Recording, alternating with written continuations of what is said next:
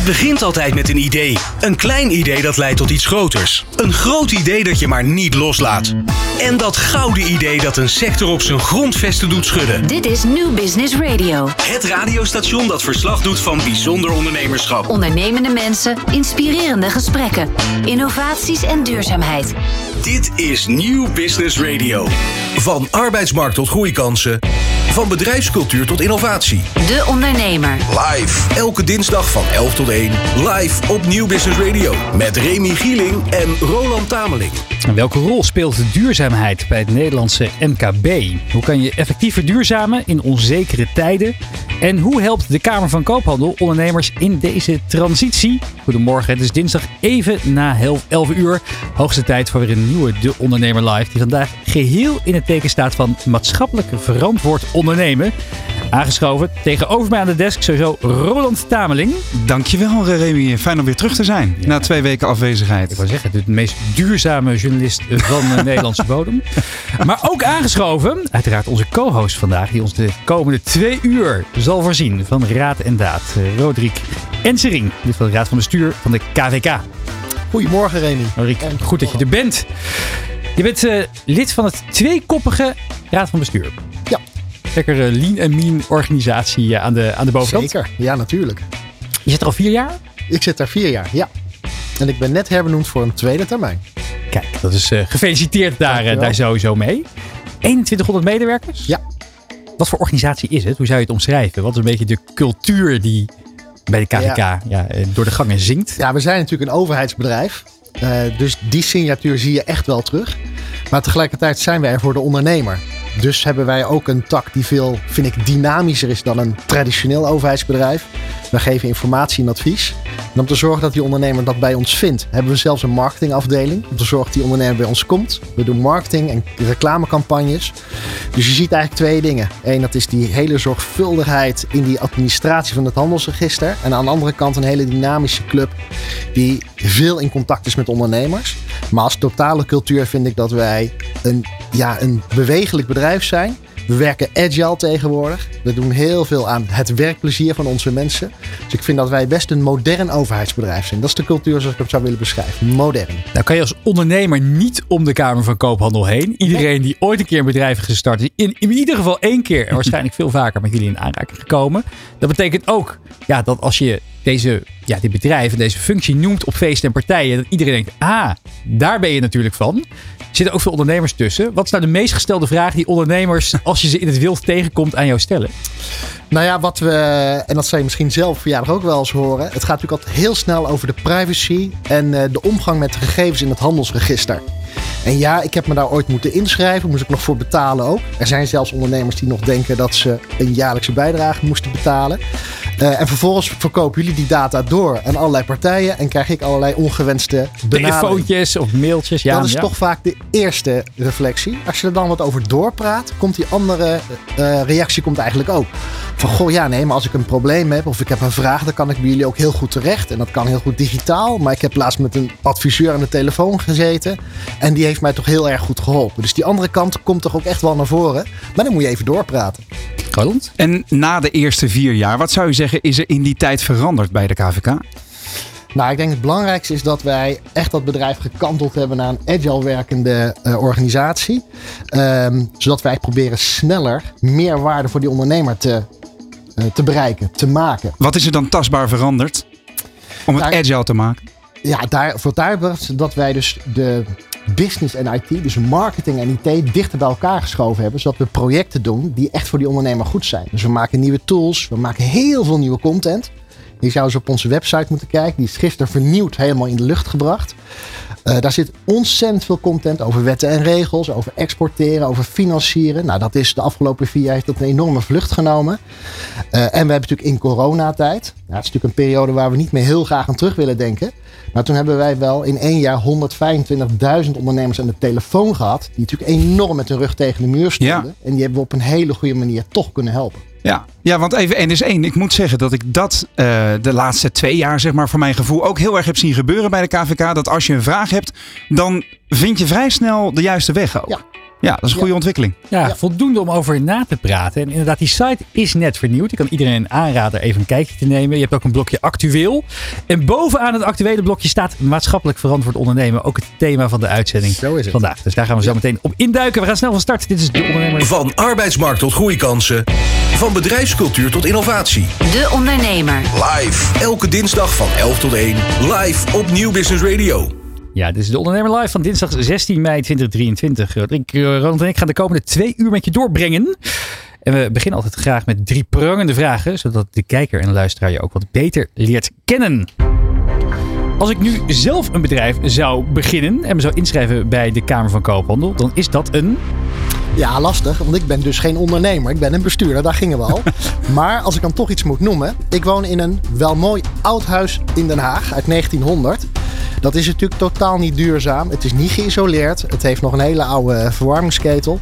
Als ik een onderneming zou mogen beginnen, begin ik een ondernemer die zich op richt om alle prachtige mooie huizen in Nederland, en dat zijn er veel, echt toekomstbestendig te maken, echt duurzaam te maken, zodat we ze ook voor het nageslacht kunnen behouden. Maar wel duurzaam kunnen verwarmen en goed kunnen isoleren. Daar zou ik een onderneming, dus een bouwonderneming, maar ik heb wel twee linkerhanden. Komt dit dan ook uit, eh, uit je eigen wens voort? Nou, ik zou graag in mijn eigen huis willen blijven wonen, maar ik zou het ook fijn vinden als dat wat beter geïsoleerd wordt. Er zit geen spouwmuur in mijn huis, nou dan weet je het wel hè. Dat is lastig, ja. Dat is lastig, dat is lastig. Maar wat een mooi doel inderdaad. Misschien voor na vier jaar. Zo is het. Ja. De volgende vraag. Met deze ondernemer zou ik graag een week op een onbewoond eiland willen zitten. Ja, jullie stellen prangende vragen. Ik zou helemaal niet op een onbewoond eiland willen zitten. Maar, toch gezegd, eh, in coronatijd, we noemden het net al, was er natuurlijk een bedrijf dat heette Auping. Prachtig familiebedrijf trouwens. Uit Ik hou heel erg van familiebedrijven. Die hebben natuurlijk toen in no time, eh, met mensen als eh, Mark Groot-Wassink en Wouter Dijkman, zijn die medische mondkapjes gaan maken. Ja. Nou, als er iets maatschappelijk relevant is, Mhm. is dat je je productie in één keer omschakelt naar zoiets. Fantastisch. En als ik nou met een van deze mannen op een onbewoond eiland zit, weten we ook zeker dat we in ieder geval nog kunnen slapen s'avonds. Goed antwoord, goed antwoord. Als ik in het torentje zou zitten, zou ik dit morgen veranderen. Ja, in het torentje. Ik weet ook niet of ik dat nou echt ambieer. Ehm, kijk, KVK is natuurlijk, wij zijn een overheidsbedrijf. En zeker als bestuurslid ben ik apolitiek. Ik ben neutraal en laat me niet uit over politieke zaken. Maar als ik toch iets moet noemen, eh, vind ik dat wij samen met de politiek en samen met ons moederdepartement Economische Zaken hele goede stappen zetten in die afweging tussen privacy van handelsregister en transparantie. Tussen rechtszekerheid enerzijds en veiligheid anderzijds. En ik zou daar graag verdere stappen op willen zetten. Om op een hele goede manier om te gaan met de privacy van ondernemers en hun gegevens. En tegelijkertijd die gegevens echt kunnen gebruiken voor economische groei. En daar zou ik vanuit het torentje nog verdere stappen op willen gaan zetten. Zo dadelijk praten we verder met Roderick Ensering van de KVK. Maar eerst het laatste ondernemersnieuws. Dit is De Ondernemer live op Nieuw Business Radio. Dit is het ondernemersnieuws van vandaag, dinsdag 16 mei 2023. De Nederlandse unicorn MessageBird heeft in 2022 zijn verlies zien verdubbelen tot 74 miljoen euro. Zo blijkt het jaarverslag in handen van Quote. De omzet steeg wel met 34% tot 582 miljoen euro. MessageBird hoeft voorlopig niet op een houtje te bijten. Eind vorig jaar stond er nog een kasreserve van 230 miljoen euro genoteerd. En medeoprichters Robert Vis en Adrien Mol zijn nog steeds aanvoerder in de lijst van jonge miljonairs met een gezamenlijk geschat vermogen van 4 miljard euro. En dan hebben we weer eens een nieuwtje over Lightyear. Tenminste, eigenlijk over Dela. Want Dela heeft besloten om het volledige bedrag van 30 miljoen euro dat het geïnvesteerd had in zonneautoproducent Lightyear af te schrijven. Directeur Esso Doeven van Dela omschrijft het als het likken van wonden. De Eindhovense uitvaart- en verzekeringscoöperatie heeft dus verlies genomen op deze investering. Dan Slimmer AI. Het bedrijf uit Amsterdam en Groningen heeft een AI Venture Studio geopend. In samenwerking met onder andere Dutch Founders Fund en Keen Venture Partners. Deze AI Venture Alliance gaat verder onder de naam Samen Slimmer. Het doel van deze alliantie is om de komende twee jaar 12 AI-startups in Noordwest-Europa op te zetten. Met de focus op Nederland. Samen, Samen Slimmer biedt niet alleen investeringen, maar ook technische expertise en ondersteuning om deze startups te laten groeien en te laten concurreren op wereldniveau. En dan Twente, daar krijgt een nieuwe chipfabriek genaamd New Origin vorm. Gefinancierd met 70 miljoen euro uit regionale fondsen voor de ontwikkeling van de chipindustrie. De fabriek die naar verwachting binnen twee tot drie jaar eh, operationeel zal zijn op de campus van de Universiteit Twente, zal zich richten op de productie van lichtchips die fotonen gebruiken voor dataoverdracht in kwantumcomputers. Deze stap is nodig vanwege het tekort aan productiecapaciteit in Twente, waardoor onderzoekslaboratoria ook voor productiedoeleinden worden gebruikt. En dan tot slot, de Nederlandse economie is in het eerste kwartaal van 2023 onverwachts gekrompen met 0,7 procent. Wat een tegenvaller is in vergelijking met de verwachte groei. De terugvallende export en het gebruik van voorraden hebben de groei belemmerd. Hierdoor bevindt Nederland zich onderaan het Europese peloton, terwijl andere landen zoals Duitsland en Frankrijk beter presteren. Voor meer ondernemersnieuws kijk op deondernemer.nl. De Ondernemer. Live op Nieuw Business Radio. Roderick, ja, ehm, een, kleine, een kleine min in, de, ja, in die, eh, een kleine krimp van die, van die Nederlandse economie, 0,7 procent. Valt mij eerlijk gezegd nog mee, gezien de roerige tijden waarin we leven. Hoe kijk jij hiernaar als aanvoerder van de KWK? Ja, nou, het is natuurlijk niet verrassend, hè, want de prijzen zijn ook echt enorm gestegen. En eh, dat zorgt natuurlijk er niet voor dat de koopkracht van ons allemaal eh, stijgt. En dat helpt de economie natuurlijk niet vooruit. Ehm, dus in die zin is dat ook wel een beetje schrikken. Eh, tegelijkertijd is natuurlijk onderliggend de economie in Nederland wel gewoon hartstikke sterk. Ehm, dus we gaan gewoon zien wat er weer gebeurt. Eh, het heeft ook geen invloed nog voor jou en mij hè, als burger. Ehm, maar het is natuurlijk voor ondernemers wel vervelend. Want het komt onze concurrentiepositie ook niet ten goede. En daar hebben ondernemers natuurlijk wel last van. Als ik op die prachtige, net vernieuwde website van de KVK kijk. En dan kijk ik weer in dat eh, blokje actueel bovenin. Staat net onder maatschappelijk verantwoord ondernemen met actuele ondernemersthema's. De prijsstijgingen, maar ook Ja. zwaar weer, energieloket. Ja. Zijn dit de vragen die ook het meest worden gesteld op dit moment? Als mensen jullie opbellen met, eh, met voor, voor advies? Ja, dat zijn veel voorkomende vragen. Er is natuurlijk ook net die tegemoetkoming in de energiekosten is natuurlijk ook net gepubliceerd. Hè, waarmee de Nederlandse overheid ondernemers ook probeert te helpen om die stijging een beetje het hoofd eh, te bieden. En dat zijn natuurlijk wel regelingen waar wij onze ondernemers zo goed mogelijk over informeren. Kan je daar aanspraak op maken? Hoe moet je dat doen? Wat zijn de voorwaarden daarbij? Zodat ondernemers ook weten waar ze aan beginnen voordat ze die aanvraag doen.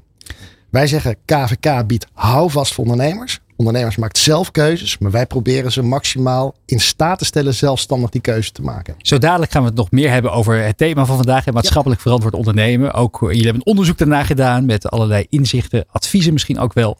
Maar nog heel even over die politiek. Want ik ben ook eventjes benieuwd naar hoe jullie rol daarin is. Want in Nederland heb je natuurlijk heel veel, ja, allerlei, eh, allerlei organisaties die zich bezighouden met het vertegenwoordigen van ondernemers. Ook richting politiek Den Haag, richting Ja. lokale overheden.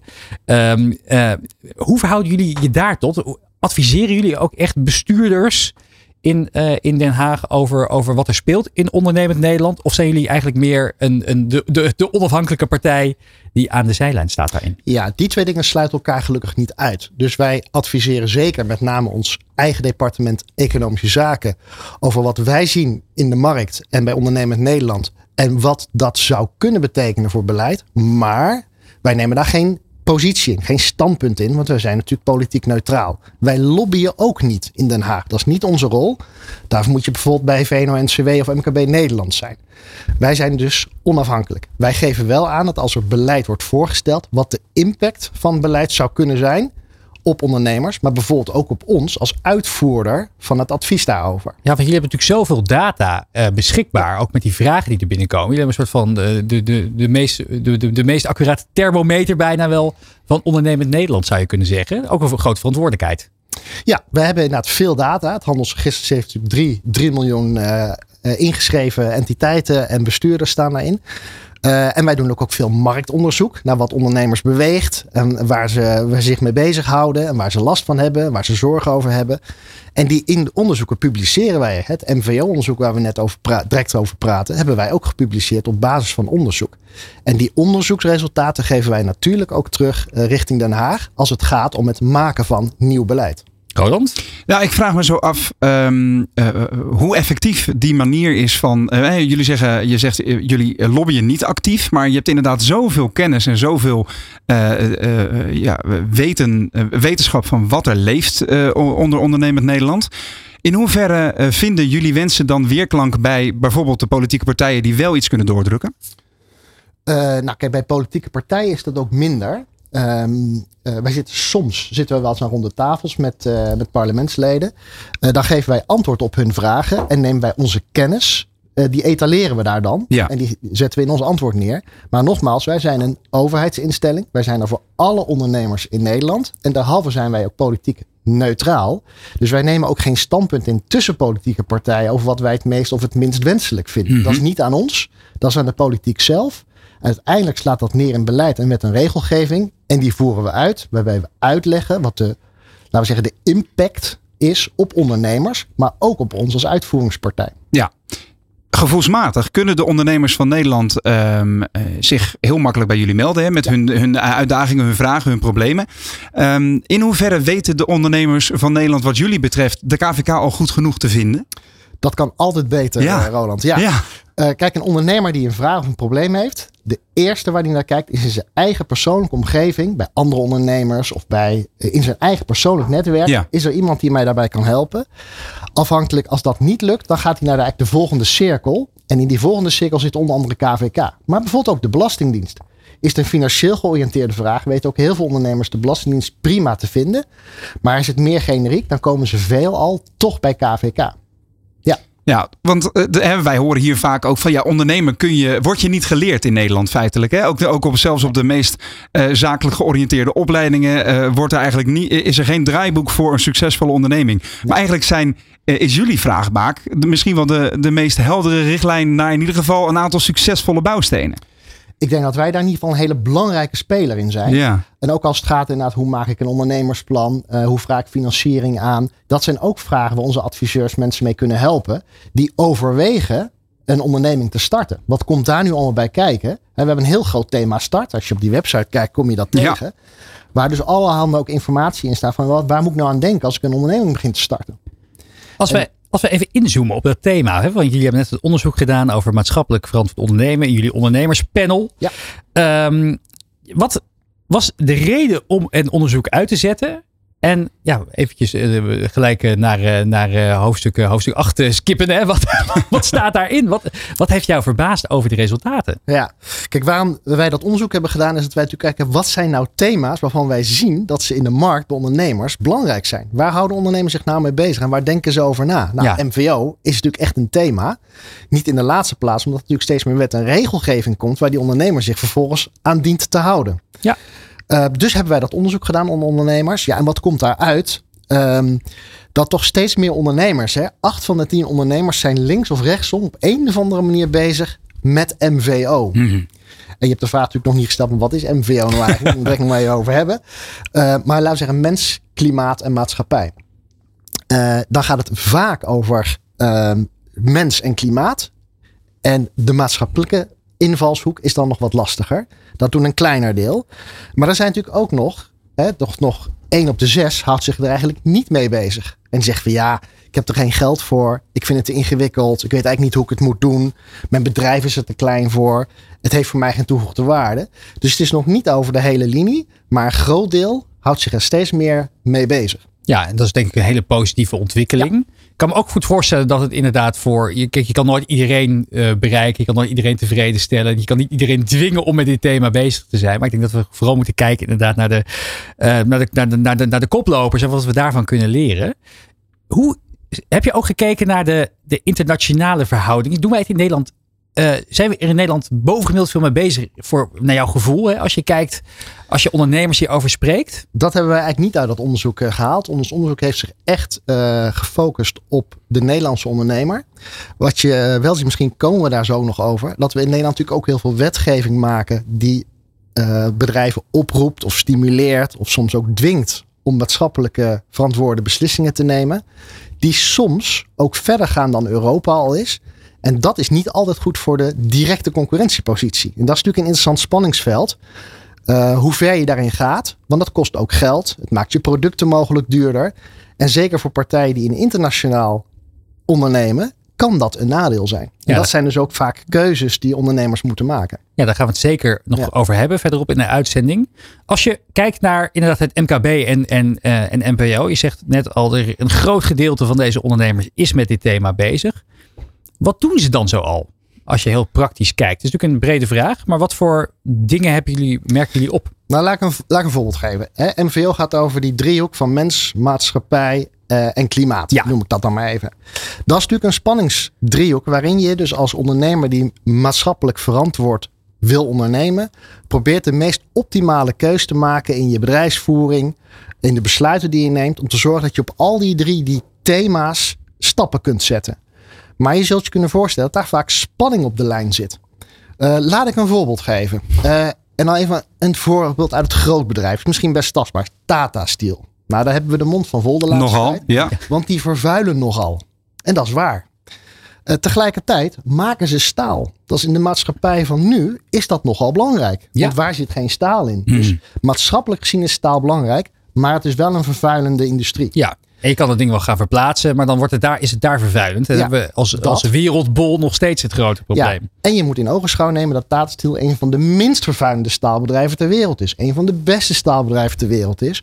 En zeker daarvoor enorm veel werkgelegenheid Ja. Mens, klimaat en maatschappij. Er zijn geen makkelijke keuzes. Dit geldt ook voor een bakker op de hoek. Dat is wat tastbaarder. Dat is detailhandel. is dichterbij. bij ons om de hoek ook. Die kan natuurlijk zeggen. Ik ga zonnepanelen op mijn dak leggen. Daar ga ik mijn oven mee stoken. Want dat is hartstikke klimaatbewust. Maar die investering moet wel worden terugverdiend. En die investeringen zijn hoog. Kijk, moet een subsidie voor krijgen, maar je moet het terugverdienen. Dat maakt je product duurder. Maar je wil wel graag, want er zit twee deuren verder ook een bakker. Je wil wel blijven concurreren. Dus elke keer zijn het belangenafwegingen, zijn het dilemma's. Waar geef ik voorrang aan en welke keuze maak ik? En die zijn persoonlijk. Dus zo zie je dat het moeilijk kiezen is.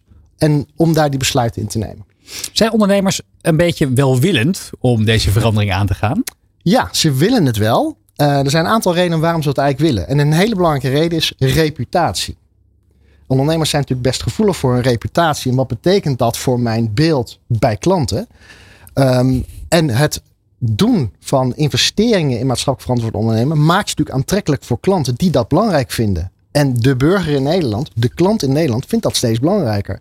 Dus dat is een zeker een motivatie om te investeren in eh, maatschappelijk verantwoord ondernemen. Ja, dus heel vaak, hè, dat is misschien ook iets wat, het is, voor, verbaasde mij in ieder geval wel, dat dat zo hardop wordt gezegd. Want ik denk dat dat inderdaad onder de radar best een, belangrijke, een belangrijk aspect Ja. was om te gaan, om te gaan verduurzamen. Ja. Ook inderdaad, hè, je, je, toch een beetje je beeld naar buiten toe. Ik denk ook dat heel veel ondernemers het gevoel hebben dat ze het al heel erg aan het doen zijn.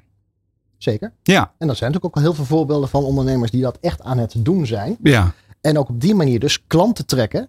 Op die manier dus ook weer omzet genereren.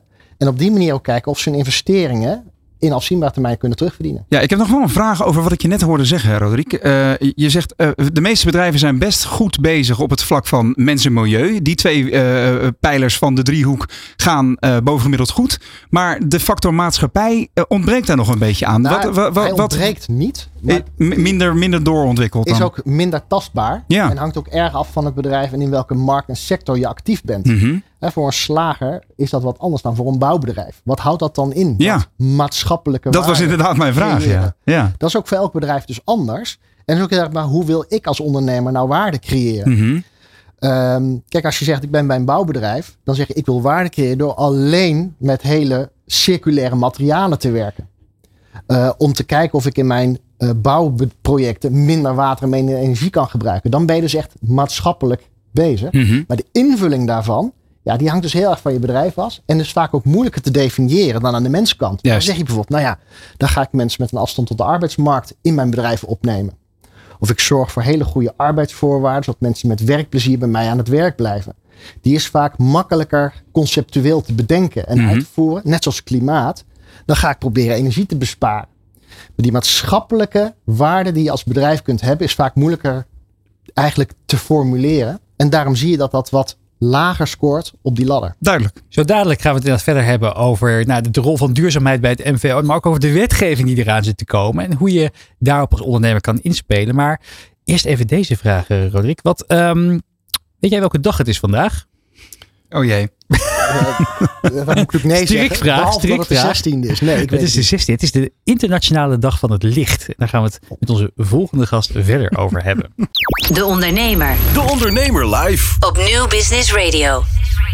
Ja, en terwijl onze data-expert van dienst Job van den Berg aankomt rijden met de bakfiets, gaan wij hier binnen de studio op het Mediapark in Hilversum het hebben over de Internationale Dag van het Licht. En dat doen we met Anne-Jaap Dijnum, directeur van de Federatie Elektrotechniek, ook wel bekend als FEDET, en initiator van het initiatief met LED kan het. Anne-Jaap, welkom. Dankjewel. Van harte gefeliciteerd. Ja, met, insgelijks. met, met de dag van het licht. Insgelijks, insgelijks. Ja, heb, heb je een lampje aangesteld? Hele, hele flauwe woordgrappen kunnen we hierover gaan maken. Ja, ja, zeker. Zeker. Ja, eh, ik had hier tot gisteren nog niet van gehoord. Eh, Roderick eh, net, over, eh, net ook al aangegeven. Het leeft blijkbaar nog niet bij iedereen. Even nee, nee, nee. Hoe komt dat? Dat, is, dat is een goede vraag. Maar het is een internationale dag. uitgeroepen door UNESCO. Dus het gaat voor de hele wereld. En ja, eh, als je kijkt eh, wat eh, licht in onze maatschappij kan betekenen. Maar sowieso licht in de hele wereld. Deze radio-uitzending wordt mogelijk gemaakt door licht. Want uiteindelijk gaat het via de glasvezelkabel. Dus dat, ook dat is licht. En eh, ja, ook licht bij ons thuis of licht op de werkplek. Ja, je zou je werk maar in het donker moeten doen. Dan wordt het eh, knap lastig. En Ja. daar worden mensen ook vaak heel ongelukkig van als ze in een donkere ruimte moeten zitten de hele dag. Dus ook daar zie je dat licht ook een grote eh, invloed heeft op ons welzijn. Ja, de noodzaak van licht is met deze uitleg inderdaad evident. Maar even voor de kijker en luisteraar. Federatie Elektrotechniek. Kan je eens vertellen wie jullie zijn en wat jullie doen? Ja, wij zijn een brancheorganisatie. Wij vertegenwoordigen eh, 150 fabrikanten, groothandel, importeurs in Nederland.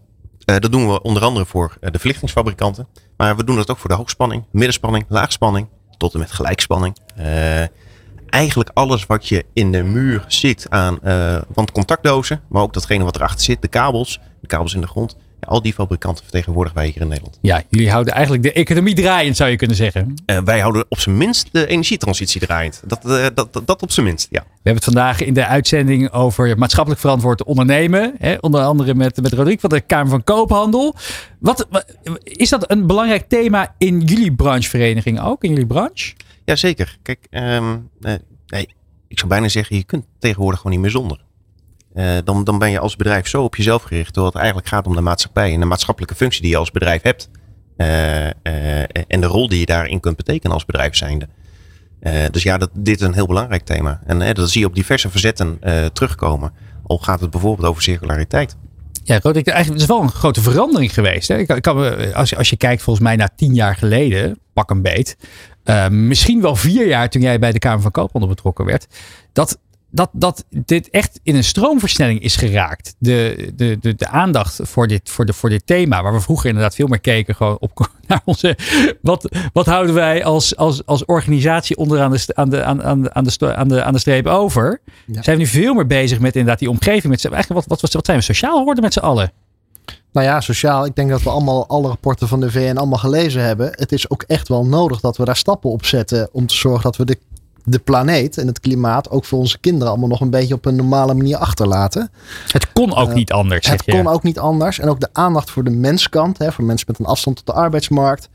Ehm, voor diversiteit. Om te zorgen dat echt iedereen mee kan doen. Ja, dat is ook iets van iets wat echt in aandacht toeneemt. En ik denk dat het hartstikke goed is. Omdat we toch met elkaar op deze aarde leven. Eh, dus ik vind het hartstikke goed dat we dat doen. Maar het is inderdaad wel echt aan het toenemen. Ja, maar even, even over eh, die initiatieven. Hè. We kennen natuurlijk allemaal Earth Hour. Hè. Dat, dat, we, dat doen we het licht juist, eh, juist uit, Uit. om allemaal stil te staan bij onze energieconsumptie. De Internationale Dag van het Licht voelt een beetje met hetzelfde zelfde doel aan. Ja, wat, is, wat zijn de hoofddoelen van jullie initiatief? Tenminste, het internationale karakter daarvan? Nou goed, het internationale. Kijk, het, is een initiatief van eh, niet vanuit VEDET, Nee, deze dag van het licht. Het is van, echt vanuit de UNESCO. Dat is met name om de aandacht te vestigen op licht. En eh, wat licht betekent voor ons, eh, maar ook de technologie die erachter zit. Hoe dat van invloed is op onze gezondheid. De, de, nou, hoe, hoe de, de techniek zelf Mhm. mogelijk maakt. En dat was de reden voor UNESCO om te zeggen van ja, we willen dat licht eigenlijk onder de aandacht gaan brengen. Maar je hebt dus de spreekwoordelijke kant en betekenis van het woord licht. Maar het gaat vooral ook over de technische kant. Dus Ook- de ook implementatie op de werkvloer ja, bijvoorbeeld. Onder andere. Ja, Ja. Ook, ook daar, ook die aandacht te geven. Kijk, en eh, eh, eh, nou, dat is in Nederland denk ik wel redelijk goed geregeld. Zeker in, in, in het Westen. Want iedereen staat erbij stil dat je legt, eh, tegenwoordig letterbollen in, je, in je fittingen draait. Nou, als het goed is wel. Ja. Wat, wat, Ons wat, onderzoek heeft iets anders uitgewezen, maar daar komen we denk ik zo meteen even op. Eh, ehm, ik, ben gewoon, ik ben gewoon heel benieuwd, wat gebeurt er op deze dag? Wat, moet, wat kunnen we doen om met, met z'n allen de dag van het licht te gaan vieren? Nou, wat mij betreft maken we een vreugdedansje om, om een eh, lampje heen.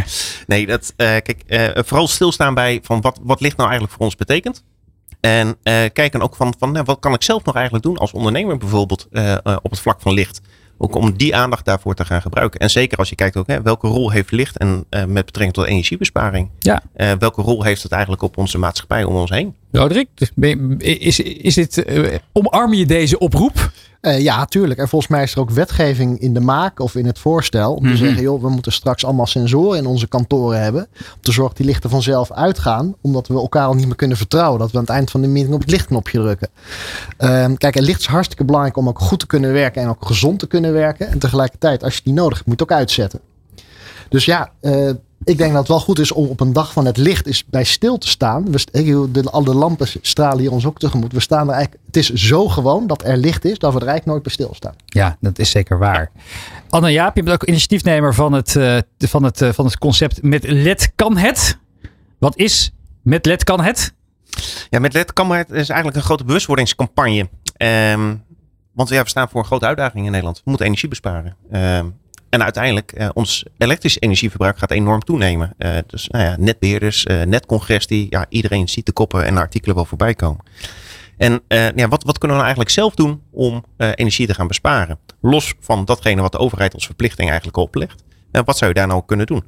En als je dan weet dat verlichting ongeveer 30% van je energierekening is, dan, en je hebt nog allemaal conventionele verlichting hangen, of je hebt nog TL-buizen hangen, dan zou je dus eh, heel eenvoudig kunnen overstappen naar bijvoorbeeld LED-verlichting. Nou, het, klinkt, het klinkt als een open deur. Hè? Sorry dat ik je even, even in de reden val. Maar het, inderdaad, het klinkt als de eerste stap die je zou kunnen zetten als ondernemer om je, eh, om je rekening naar beneden te brengen. Om eh, de, inderdaad, wat Roderick net al zegt, vanuit de KVK is ook aangetoond dat veel ondernemers ehm, die, die transitie naar duurzame eh, eh, energiebronnen en, en, en, en technologieën inzetten om hun, eh, de uitstraling van, van hun bedrijf groener te krijgen. Ja, ja. Maar in de praktijk geef je net aan, blijkt uit jullie onderzoek ook dat het nog te- veel te weinig gebeurt.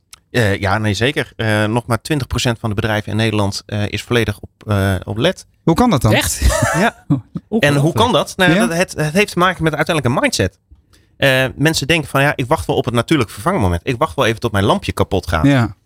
En eh, eh, jarenlang was dat ook eh, nou, een goede reden misschien wel. Als je kijkt naar de energieprijs. hè. Die was laag, de, de prijs die je betaalde voor de elektriciteit. Ja, je- je- het, klinkt, het klinkt misschien hè, ook een beetje Hollandse zuinigheid. Dat je denkt, ja, hij doet het nog. Ja. Waarom zou ik, Ja, waarom ja. zou ik hem vervangen? En, en begrijpelijk ook. Ja. Het, eh, misschien was het wel de wetmatigheid van de controller, hè, de financial controller, die zegt van ja, nee, maar hij is economisch nog niet afgeschreven. Het lampje doet het nog. We, we laten het lampje lekker hangen. Want eh, ja, eh, eh, we wachten wel even.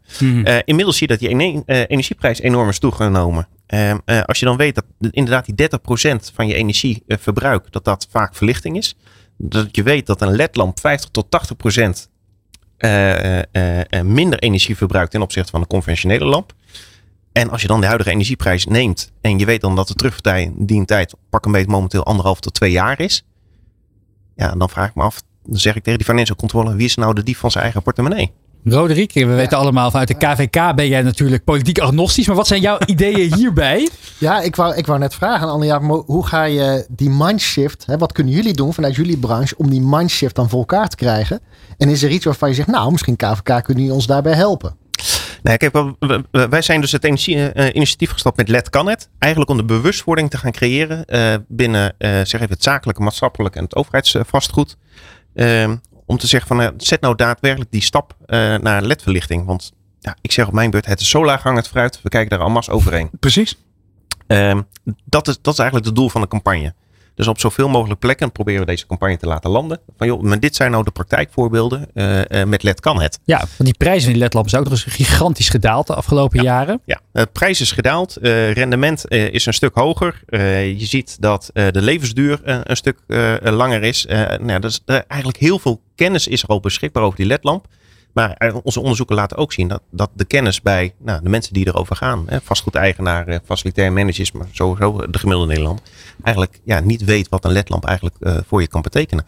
Nou, dat is de reden waarom we hebben gezegd, ja, die campagne, Die moeten we gaan starten. Een soort ode aan de ledlampen. Het is misschien wel een ode aan de ledlamp. maar als ik het nog even in een groter plaatje zou uh, mogen neerzetten. Uh, we hadden het net even over uh, ons energieverbruik hier in Nederland. En dat we energie moeten gaan besparen. Vanuit de overheid hebben we de campagne Zet ook de knop om. Ja. Um, ja, en nu kun je dat lichtschakelaartje wel uitzetten. Maar ik zei net ook al, het licht heeft ook een positieve invloed op ons. Dus dat moeten we ook niet willen. Um, stel nou dat we van vandaag op morgen alle verlichting in Nederland LED hebben. Besparen we 6,5 terawattuur aan uh, energie. En dan is dat misschien een bedrag wat uh, mensen nog niet zo heel veel zegt. En dan zeg ik op mijn beurt, ja, dat is 108, 108 miljoen keer je auto opladen. Oh, dat red je niet in een jaartje. Nee, dat red je niet. Of dat zijn 6,8 miljoen warmtepompen. Ja. Nou ja. Uh, nou, volgens mij zitten we ook midden in een transitie als je kijkt naar warmte. Ja. Uh, dus stel nou, dat is ook het potentieel uh, wat, wat er ligt. Heb je het dus over maatschappelijk verantwoord ondernemen. Als ondernemer zijn. Ja, oké, okay, als ik dus mijn energieverbruik naar beneden breng, maak ik ook andere dingen mogelijk in het net. Maar even uh, advocaat van de duivel. Ik denk dat heel veel ondernemers die dit horen, dat stiekem diep van binnen wel weten. Ja. En ook echt wel voelen dat ze misschien een keertje in actie zouden moeten komen. Maar ik zit ook even naar de uitkomsten van jullie onderzoek te kijken. Dat onder ruim duizend mensen in loondienst is gedaan. En meer dan de helft daarvan wijst naar de overheid. Met de mededeling dat ze vinden dat de overheid faalt in de verduurzaming van ons land. En volgens 63% moet de overheid meer doen om de energietransitie naar duurzame energie, energie binnen het bedrijfsleven te bevorderen. Dat zijn op zich stevige conclusies. Ja. Ben Ja. ik even benieuwd naar uh, zowel jouw antwoord, Anne-Jaap, als, als dat van Rodrigue. Uh, ik zie jou al meewarend uh, schudden. Rodrigue, wat is jouw reactie op zo'n zo'n getal? Ja, een onderzoek is een onderzoek. Maar ik vind dat in het algemeen te gemakkelijk wordt gekeken naar de overheid. En of dat nou beursondernemers zijn, die Ja. hebben allemaal ook een eigen verantwoordelijkheid. Zij hij dan toch enigszins politiek sensitief, zeg maar. Dus ik vind dat er gemak naar de overheid wordt gekeken. En dit voorbeeld ook, een ondernemer weet het eigenlijk heus wel van Ja. die ledverlichting. Die heeft de overheid echt niet nodig om zijn lampen te vervangen door ledverlichting. En het is te gemakkelijk om naar de overheid te verwijzen en vervolgens dus zelf niks te doen. Ja, maar financiële stimulans kan natuurlijk een heel effectief middel zijn om het wel te, die doorbraak te, te forceren. Of zie, ik- zie ik dat te Nou, makkelijk in? Ik denk dat Anne Jaap er net heel goed heeft aangetoond dat die business case in zichzelf positief is. Ja. En ik niet eerst nog weer een subsidie nodig heb om mijn lampen door een ledverlichting te vervangen. Dus ik vind het echt te, gewoon te gemakkelijk. Ja. Maar hoe kan het? ondernemers zijn normaal gewoon heel zelfstarting en initiatievenrijk. En dat zou hier dus ook gewoon moeten zijn. Ja, maar toch blijft het wonderlijk dat we, Ja, eh, we zeg ik dan ook even, eh, toch wel een beetje met elkaar eh, achterover blijven zitten. Nee, kijk, je, je ziet eh, eh, twee mogelijkheden. De afgelopen jaren was er altijd een stimuleringsregeling eh, waaronder eh, de ledverlichting viel. Dus per 1, eh, 1 januari 2023 is dat gestopt. Ehm te meer ook omdat die terugverdientijd, die business case is zo gunstig dat de overheid zegt, ja, maar daar hebben we geen hulp meer in. Terecht, zeg ik op mijn beurt. Eh, aan de andere kant, als ik wel naar de overheid kijk, dan zeg ik, ja, beste overheid, jullie zijn de grootste vastgoedeigenaar hier in Nederland. Ehm, we hebben vanaf 1 januari een label C verplichting. Dus hè, eh, energielabel eh, C voor kantoren groter dan 100 vierkante meter. Verlichting is dus een groot onderdeel daarvan. Dus heb je nog niet zo'n label, zet die stap. En dan kijk ik naar de overheid en die zegt dan gemakshalve, ja, gemiddeld genomen voldoet onze portefeuille aan een label C. Ja, dat was niet de vraag op 1 januari. Het ging om een absoluut label C. En eh, ondernemers, hè, eh, die worden eh, door de omgevingsdiensten bezocht met de vraag: heeft u een en- eh, eh, energielabel? Eh, en welk label is dat dan? En eh, die mogen daarop gaan handhaven. En op dat punt zeg ik, beste overheid, ja, geef nou zelf ook het goede voorbeeld. Ga die investering aandoen. Als je op de snelwegen rijdt, eh, eh, dan zie je daar allemaal conventionele lampen eh, s s'avonds branden. Ga je de grens over in België, in twee jaar tijd hebben ze alle verlichting op de hoofdwegen vervangen naar LED hm. dat moeten wij hier in Nederland toch ook kunnen, zeg ik dan. Dus wij hebben ook vanuit Vedat de oproep gedaan richting de overheid van zet nou een helder doel neer. 2025, 80% van alle verlichting die jullie hebben, moet LED zijn. En toen bleef het stil? Eh, nou ja, toen begon men een beetje onrustig te schuiven op de stoelen. En ging het over natuurlijke vervangmomenten, personeelscapaciteit. En eh, goed, dan komen er inderdaad ook een hoop redenen die je vaak ook bij de ondernemer hoort. Ja. Maar beste overheid, zet nou dat beste beentje voor. Zet nou zelf ook die knop om. En eh, ga ervoor en geef het goede voorbeeld. Want als zij het voorbeeld geven, dan gaat de rest daar ook in, uiteindelijk in wel in mee. Nou, hier op het Mediapark hebben we in ieder geval op de Internationale Dag van het Licht ons steentje bijgedragen. Anja, Anja Dijnem, dankjewel. En prachtig initiatief met LED kan het. Dus wij gaan eh, eh, ons best doen om Nederland nog verder te verletten. Goed, dankjewel. De Ondernemer. Live op Nieuw Business Radio. Zoals iedere dinsdag schuift AI- en data-expert van dienst Job van den Berg aan. Met handzame tips voor ondernemers hoe je vooral de kansen van automatisering en slimme computersystemen kunt benutten. En vandaag gaat dat geheel in thema van deze uitzending over AI en duurzaamheid. Maatschappelijk verantwoord ondernemen, het gebruik van geavanceerde technologieën zoals kunstmatige intelligentie. Is het een dynamisch duo of hebben AI en MVO een moeilijke relatie? Waarbij AI het juist complexer maakt om verantwoord te kunnen ondernemen. Er zijn nog beperkte regels als het gaat om de inzet van AI. Kun je met het ontbreken ervan überhaupt spreken van verantwoord ondernemen met AI? De milieukant. Het is geen geheim dat AI een enorm beroep doet op onze beperkte hulpbronnen met een bijbehorende CO2-uitstoot. Maar wordt deze ecologische voetafdruk niet meer dan gecompenseerd door AI-toepassingen die ons juist helpen om verantwoorder en duurzamer te ondernemen? Even terug naar de kern. AI is technologie die taken kan uitvoeren die normaal menselijke intelligentie vereisen. Het is eigenlijk de co-piloot en superstagiair van je bedrijf. Die taken overneemt waardoor je productiviteit verbetert. En vaak is erbij komen het voordeel dat het lage kosten tot gevolg heeft. En het ook nog eens positief uit kan pakken voor het milieu. 1 plus 1 wordt dan echt 3. Een voorbeeld. AI toepassen om optimale transportroutes te bepalen voor vrachtvervoer. Deze AI-modellen houden rekening met alle omstandigheden om zo efficiënt en tegen de laagst mogelijke brandstofkosten routes te bepalen.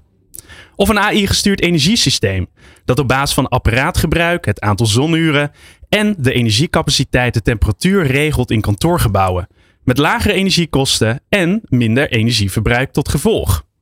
AI is dus echt een business case. Of beter gezegd, door AI kan MVO een business case worden. Het kan je commerciële model aantrekkelijker maken door kosten te verlagen en omzet te verhogen. De CO2-footprint van servers die AI voeden is daarom vaak een klein offer voor een groot doel. Naar mijn overtuiging zijn AI en MVO absoluut een match made in heaven, mits AI op de juiste manier wordt toegepast.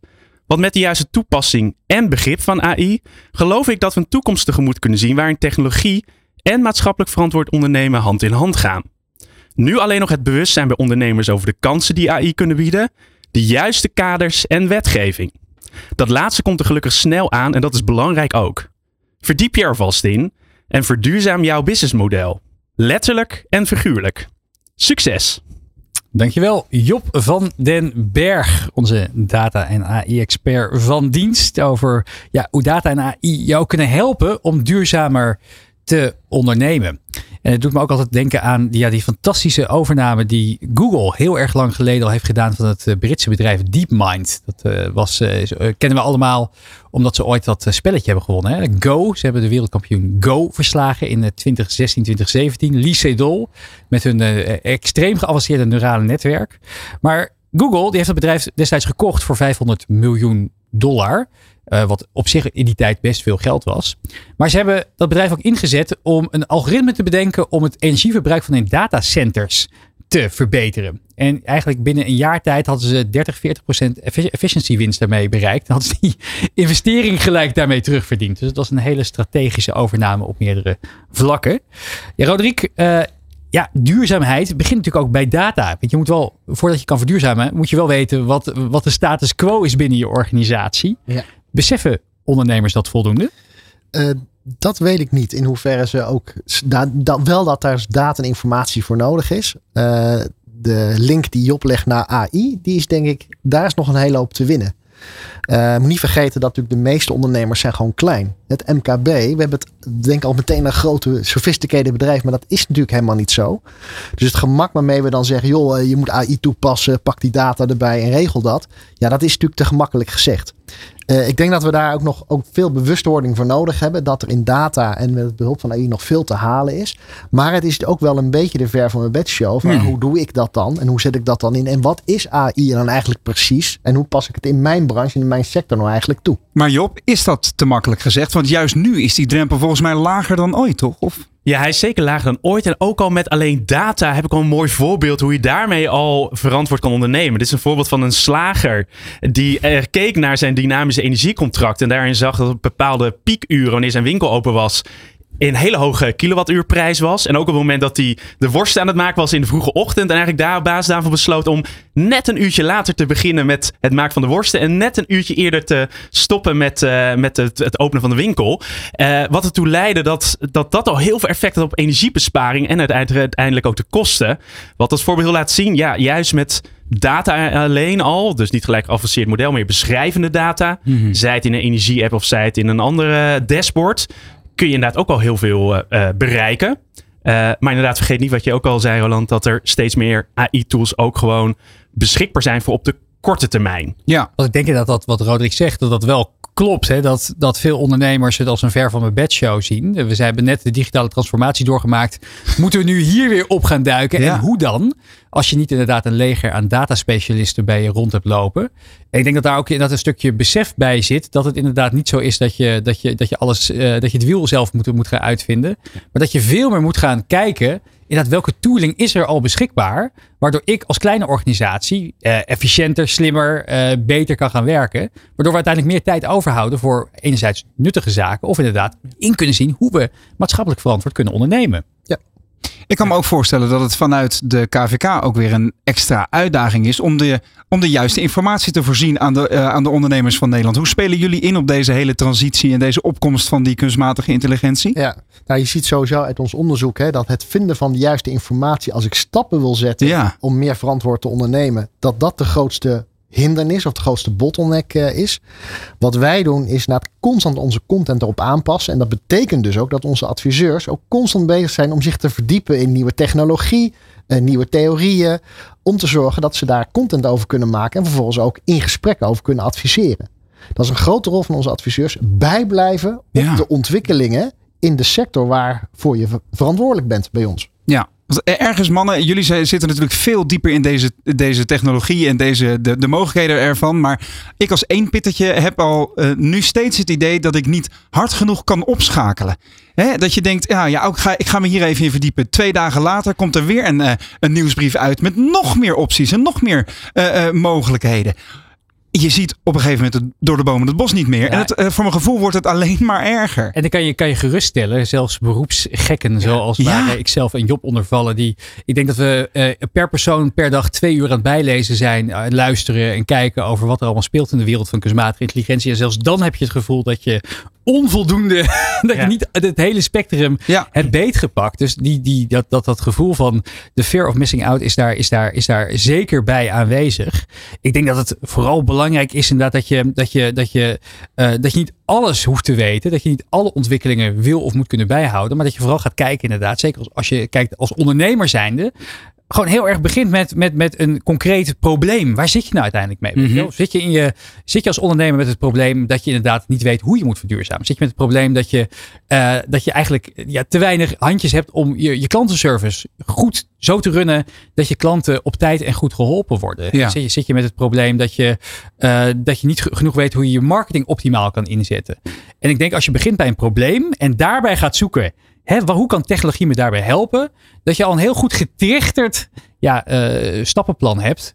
En dat je inderdaad, dat, dat je hem even moet loslaten. Dat je van, van echt van, van, van, van, van, van, van de hele schaal met AI-tooling en mogelijkheden Ja. wat moet weten. Ja. Wat je volgens mij zegt, Remy, is begin neem gewoon een eerste kleine stap. Ja, het hoeft niet begin meteen. klein. Ja. Hè, dan kom, kom op gang en zet achter het eerste stapje weer het tweede stapje. Hè, je zou kunnen zeggen, doe het een beetje agile. In plaats van Ja. dat je in één keer naar de eindoplossing wilt. Mhm. Want dan wordt het een hele grote beker om weg te drinken. Ja. Ja, nou precies. En dat geldt natuurlijk ook voor maatschappelijk verantwoord ondernemen. Als je gaat denken, ja, we moeten overmorgen het meest duurzame bedrijf van Nederland zijn. Of we moeten overmorgen eh, klimaatpositief opereren. Ja, dan is het zo'n groot, eh, eh, grote uitdaging. Zo'n groot, nou ja, monster klinkt heel negatief. Maar wat, eh, wat er dan voor je staat, dat het je ook een beetje wordt lam geslagen. Ja. Maar als je dat heel klein begint, met misschien een paar ledlampen, een paar lampen te vervangen voor led. eh, dan, dan, dan houd je de uitdaging ook behapbaar en leuk voor jezelf en Mhm. je team.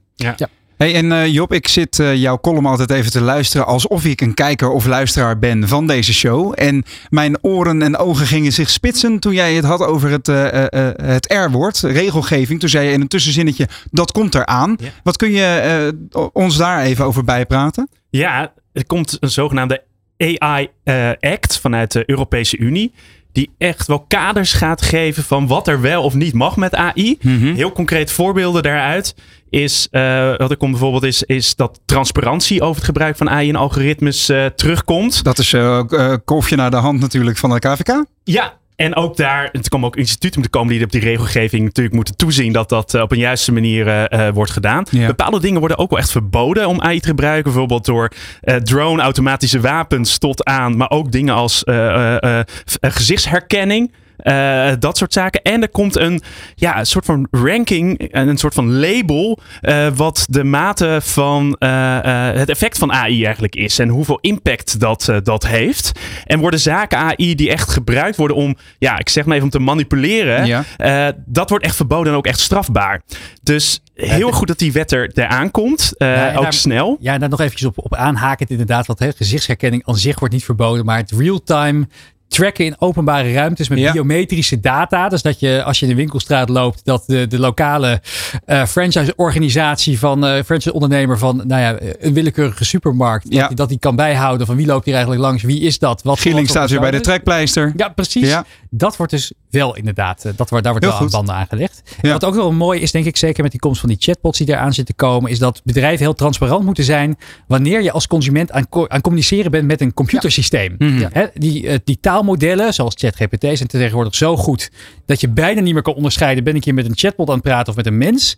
En die regelgeving die eraan zit te komen, dat kan nog eventjes duren voordat het echt daadwerkelijk door, eh, door echt, echt, echt van kracht wordt. Kan nog een jaartje duren of twee.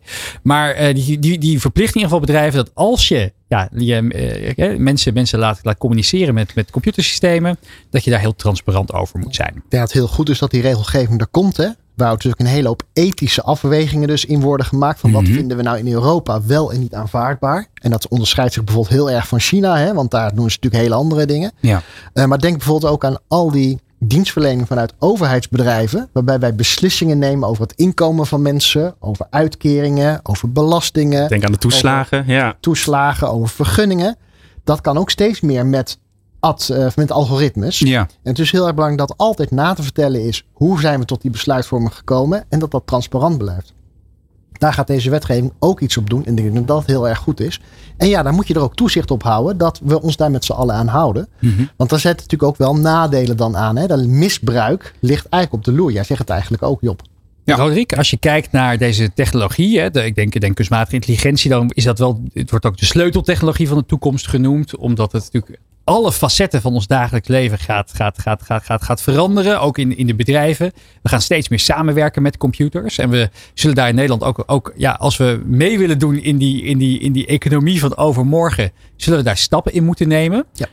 Wat is jouw visie erop? Kunnen wij als, als, hè, als, als, als, als klein land, kunnen wij meedoen met de grote jongens? Wat denk jij? Dat denk ik wel. Ik denk dat eh, Nederland ook gewoon eh, laat zien dat wij daar ook echt, eh, nou ik weet niet of we helemaal voorop lopen. Ik denk dat Job het beter weet dan ik. Maar dat we daar ook echt wel stappen in zetten in de ontwikkeling van deze technologie. Omdat ik iedereen wel inziet dat die technologie ons natuurlijk wel in de toekomst echt verder gaat brengen. Job? Nou ja, ik denk dat, dat, we eh, goed inderdaad de bewustzijn hebben. Lees ook de, bijvoorbeeld, nou, toch wel te noemen, de toeslagenaffaire waarin algoritmes verkeerd werden toegepast. Dat het ons ook heeft wakker geschud. En ook het politieke maatschappelijke debat eh, heeft, eh, op gang heeft gebracht om na te denken inderdaad over die regels en de ethische kaders daarvan. Ik denk dat daar Nederland een hele goede gesprekken over hebben. En het is gewoon heel fijn dat vanuit EU-niveau, Europees verband, dat daar eh, in totaliteit eh, regels komen waar we ook aan alles kunnen conformeren. Want we leven nou eenmaal in een globale wereld. Eh, dus het is heel goed dat Nederland daar ook een hele belangrijke eh, rol en eh, nadruk eh, op legt. Misschien nog één zin, eh, Remy. Ja. Ik denk dat het ons ook heel veel kan brengen. Als je ziet dat de dienstverlening van ondernemers, ondernemingen, maar ook bijvoorbeeld van de overheid, door dit soort technologie en door algoritmes en door AI, ook enorm omhoog gaat. En dat komt ons natuurlijk allemaal in dit land ook wel ten goede. Want we, zit- we maken allemaal gebruik van elektronisch bankieren. We maken Mhm. allemaal gebruik van de vooringevulde belastingaangifte. Je moet er toch niet meer aan denken dat dat allemaal nog met het handje moet. Dus technologie brengt ons ook heel veel. Maar dan is het ook belangrijk dat je ook de kaders waarbinnen de technologie wordt gebruikt, dat we die ook scheppen. En dat gaat deze wet voor een groot deel invullen. En op dat vlak ben ik echt heel blij dat wij in Europa wonen. Want wij lopen eh, zeg maar, als con- continent wereldwijd toch echt wel voorop. Toch? Nou, eens gelijks. En ik denk hè, dat, dat, ook in, dat dat ook inderdaad zoiets is van het is goed dat die wetgeving er aankomt. Dat we met elkaar ja, bepaalde kaders afstemmen. Waarmee wij denken van nou, deze technologie gaat inderdaad goed, eh, goed, eh, goed, eh, goed ontwikkeld worden. Ik had van de week een gesprek erover met Kwini Rakowski van de VVD. Zij zegt ook, hè, AI gaat de goede dingen beter maken en de slechte dingen slechter. Want als het in handen komt van kwaadwillenden. Hè, als het Ja. gaat over desinformatie bijvoorbeeld, dan kun of, of cybersecurity, dan kunnen ze daar ook weer gebruik van maken. Maar we moeten niet vergeten dat het inderdaad die goede dingen zoveel beter kan maken. Dat het eh, on- ons tijd vrijgeeft om niet meer acht uur per dag achter ons laptop te zitten om alleen maar Excelletjes in te vullen en mailtjes te versturen met elkaar, maar om echt weer ja, het gesprek aan te gaan. En ja, het idee van Job en mij is ook heel vaak dat het, eh, dat, eh, hoe paradoxaal soms ook klinkt, dat deze technologie bedrijven veel menselijker kan gaan maken, omdat het je tijd vrijgeeft om je echt weer te laten onderscheiden. Omdat al die, ja, die saaie, dat, dat randwerk, dat wordt uit handen genomen uiteindelijk. Het is eigenlijk een beetje soort van we zijn bezig met een spel tussen aanleidingstekens. En nu pas denken we echt na over de definitieve regels. Dat is natuurlijk best wel risicovol. Maar ik denk dat het juist heel goed is. Ook lessons learned uit het verleden. Met de opkomst van internet is de vraag van of we daar wel snel genoeg hebben nagedacht. Van wat, wat vinden we hier nou eigenlijk van? Mhm. Dat, met AI hebben we het nu wel heel erg over. Wat vinden we van deze technologie? Hoe, hoe passen we toe? Wat zijn de maatschappelijke kaders? Ik denk heel goed dat dat nu speelt. En ook helemaal past binnen de trend dat het nu echt een doorbraak is. En bewezen eh, eh, impact kan hebben. Dus dat is denk ik super positief. En Roderick, als je kijkt naar die, hè, er is ook een grote, grote angst die er op dit moment heerst. Eh, Bij medewerkers vaak gaat het over, oh, oh jee, hoe zit het met mijn baan? Bij ondernemers die ik veel spreek erover, die hebben zoiets van, ja, ik hoor van allerlei grote denkers over dit thema dat het de wereld wel eens kan gaan opblazen. een soort van Terminator-esque scenario. Ehm, hoe, en ze vergeten af en toe inderdaad hè, van je kan het ook gewoon omarmen en Ja. kijk naar je eigen, je eigen cirkel van invloed hierbij. Ja. Wat kan jij nou doen? Dus hoe kunnen we ondernemers motiveren, denk jij, om zich ook niet alleen maar te laten lamslaan wederom door die, ja, door die angst die er heerst, maar ook vooral te kijken naar de mogelijkheden. Ja, ik ben daar uiteindelijk niet bezorgd over. We roepen al jaren, ja, de digitalisering gaat ervoor zorgen dat er allerlei hele volkstammen van mensen hun baan kwijtraken. En de, de realiteit is dat we elke keer weer zien dat er nieuw werk bij komt dat we ons nu nog helemaal niet kunnen voorstellen. Uh, geldt denk ik voor ondernemers ook.